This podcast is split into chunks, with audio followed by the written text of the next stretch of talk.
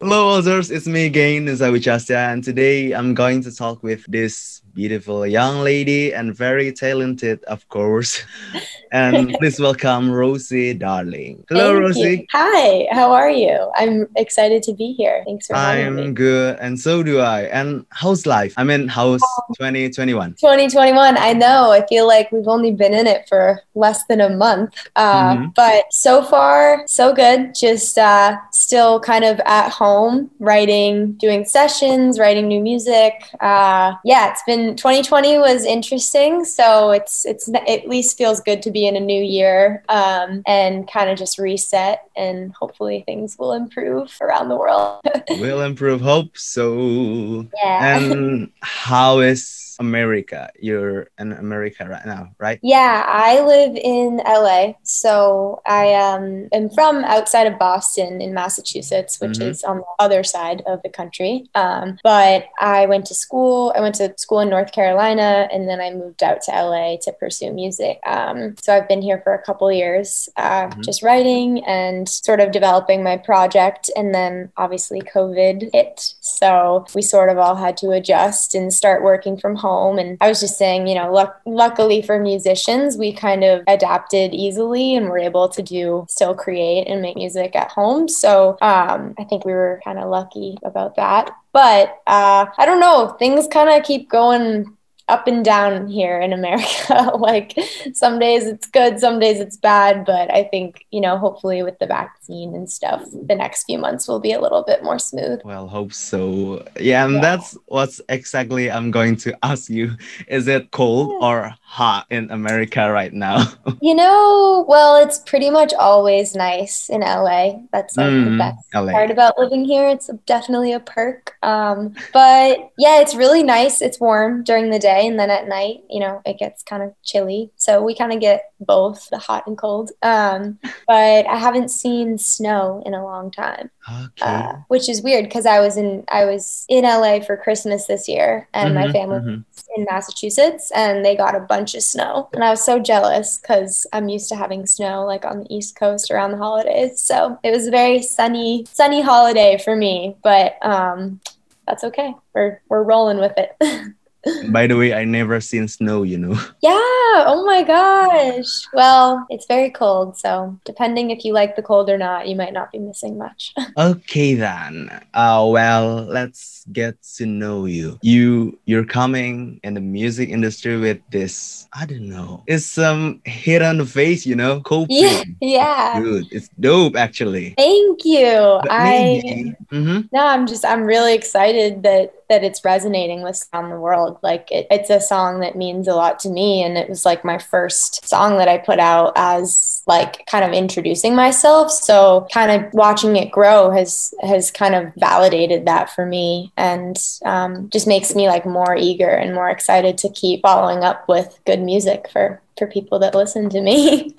So yeah, what I'm going to ask is for those who doesn't know you or new to you, um, maybe they're wondering who is this Rosie Darling. But I'm curious, what's with this Rosie Darling? If you don't mind. yeah, well, that's actually my real name. Um, Wow. Okay. Yeah, I know it sounds. No, it's okay. Everyone is always like, "Is that a stage name?" And it's not. I mean, my first name is Rosemary, but I've never gone by that, like really ever. So I've always gone by Rosie, and then yeah, my real last name's Darling. So I kind of, I guess, lucked out and was born with a stage name. Um, but I, yeah, I, I'm I'm from outside of Boston, and I've just been writing music um, since I was probably like 12. Um, I definitely was really inspired by you know Taylor Swift. She was kind of coming up as I was you know a middle schooler, and I was like, who is that? Like, I want to write songs like that. And um, yeah, I, I sort of started to take music more seriously as I got older, and then started to release music and Mhm. um, I didn't really have when I was younger. I didn't have any like label support or anything like that. But um, you know, just continued to sort of like try to grow my following on my own. And then you know, once I moved to LA, I feel like things sort of fell into place. Wow, that's a beautiful name actually, Rosie Darling. And and Rosie suits you even better. I, am not saying that Rosemary is bad, but you know, here in Indonesia we have a hardcore metal band that mm. named Rosemary. Oh, can you imagine wow. that? Rosemary. Wow. That's so funny. Rosemary is like when my parents are mad at me and they're like, Rosemary, like, ah, yeah. come over here. Yeah. We do that as well in Indonesia. Yeah, you your get your full name. will call you oh. by your full name. That's so funny. And Rosie, I've been searching for you on the internet. I have to be honest. Mm, and I found that you actually been in this industry from 2017 mm-hmm. with this OKU or OKO. Yeah, yeah, yeah, yeah and then you um, you just disappeared and poof where have you been? I know i know. I i what i took a i took a break. I mm-hmm. well i think like i released that song with oko called LA and then we did a remix for it and it's super fun and and it's um it's like a tropical house kind of like remix. Um it's a really fun song. Like I love that song so much. It like marks a very important time for me in my life when I when I think about it. Um but I was in college and I didn't know. I was like you know as an artist I feel like you kind of have to dig deeper and take some time to think about what you want to say. And I moved to LA and I was like the best way for me to do that is to just go to a you know keep writing and meeting new people. And until i you know network until i find the people who i like to write with and mm-hmm. feel like i can have a project that is cohesive and to kind of make like a statement with. Um, and yeah i i just took a couple years to like find my sound and figure out what i wanted to say. And um, i think that was smart. It was you know, frustrating because it was such a long time. And I was like, I need to release music. But I think it was helpful in the in the long run. And now I'm at the place where like all my songs are ready to come out and they're done. And we're just doing like the creative and the visual part of everything. So I'm getting to like sit back and kind of like enjoy seeing it connect with people. And um, yeah, I'm not as like, I, I need another song. Like I have to go write another one. Like I actually feel really like proud and, and good about the music that I have that's coming out. So it's it's nice. I get to like take a second to breathe. So Okay, okay, I, I see. But but I'm still a bit curious about last year when you released music with this group called Three Tonal, I guess. Three Tonal. Yeah. Yeah. Tritonal, yeah. Is it included in your wonderful wonderful experience? Your path in music? Yeah, I I did um a couple songs with tritonal which were really really fun uh, mm-hmm. i love writing for i love writing for other artists um so you write that as well yeah that's yeah. your song I wow wrote, that's amazing i wrote diamonds for tritonal yeah, with with a friend um and then uh, never be the same. And I, I, like writing for other people a lot. It's it's fun to kind of like take the pressure off of like writing for yourself, and you can kind of kind of you know figure out what what they what they're looking for, and then you know um, you just get to sing on it, and you know it doesn't always it doesn't have to be super in alignment with like my project. So, but yeah, that song was really fun, and and that was a big like festival song. They they played it at a lot of different festivals, and um, they have like a really really good following and like diehard fans. So yeah, that song just like I know they put a lot of um, like energy into it and to get it out there. And um, yeah, it's I think it's still doing pretty good. So that was that was fun.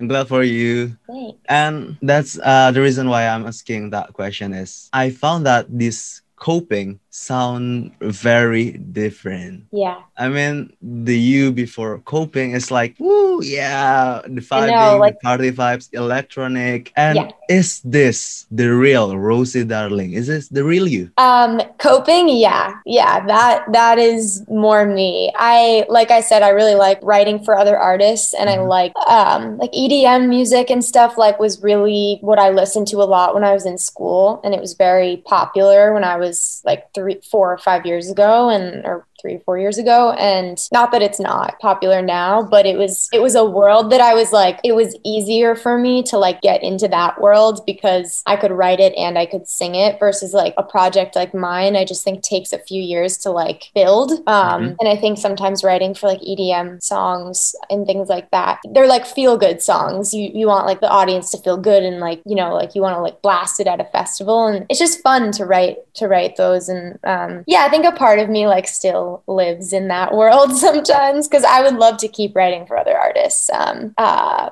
but definitely coping is more me. I grew up playing a little bit of guitar and piano, and I always tell people that like I don't really like a lot of production behind my voice. Like I I just grew up like playing like guitar and piano and I never would hear so much behind my vocal but um i don't know yeah like i think the i think my project still captures more singer songwriter guitar piano elements which yeah. feel more like me that explains a lot and I still have some questions and of course with coping, but I want to know you better, Rosie, if you don't mind. Yeah. Let's play some games. It's, oh, okay. it's very easy. It's just okay. this or that. Okay. okay. First of all, I want to ask you cats or dogs? Okay, well, I want to say both, but if I had to choose, no, I, huh? Of course, no, you can't choose both. I would choose um, cats. I have a cat, and I love my cat. But I grew up with dogs. I grew up with dogs. I never had cats, and then I found him, and I was like, okay, like he won me over. So okay, my heart broke. My heart broke. I'm a dog. I'm a dog person. I love dogs too. I I, I love them too. So. But okay, okay then, cats. there, I will always tell people. okay, next one: the guitar or piano. Yeah, piano. I think for me, I I just think it's so pretty, and yeah, I love piano. It's yeah, beautiful. I yeah. I wanna I wanna I want to master piano, you know. I wanna learn piano, but I just can't. Yeah, it's hard. It's too little. It's it's a lot of multitasking. Uh, but I think everybody would love to be able to be really good at piano. it's a fun skill. Good for you. Okay, next one. Do you like classy or sporty? Probably like uh, I'm not really super sporty, but like I definitely like to wear jeans and like a t-shirt. So it's classy, like you know, somewhere like, in the middle. yeah, I think probably in the middle.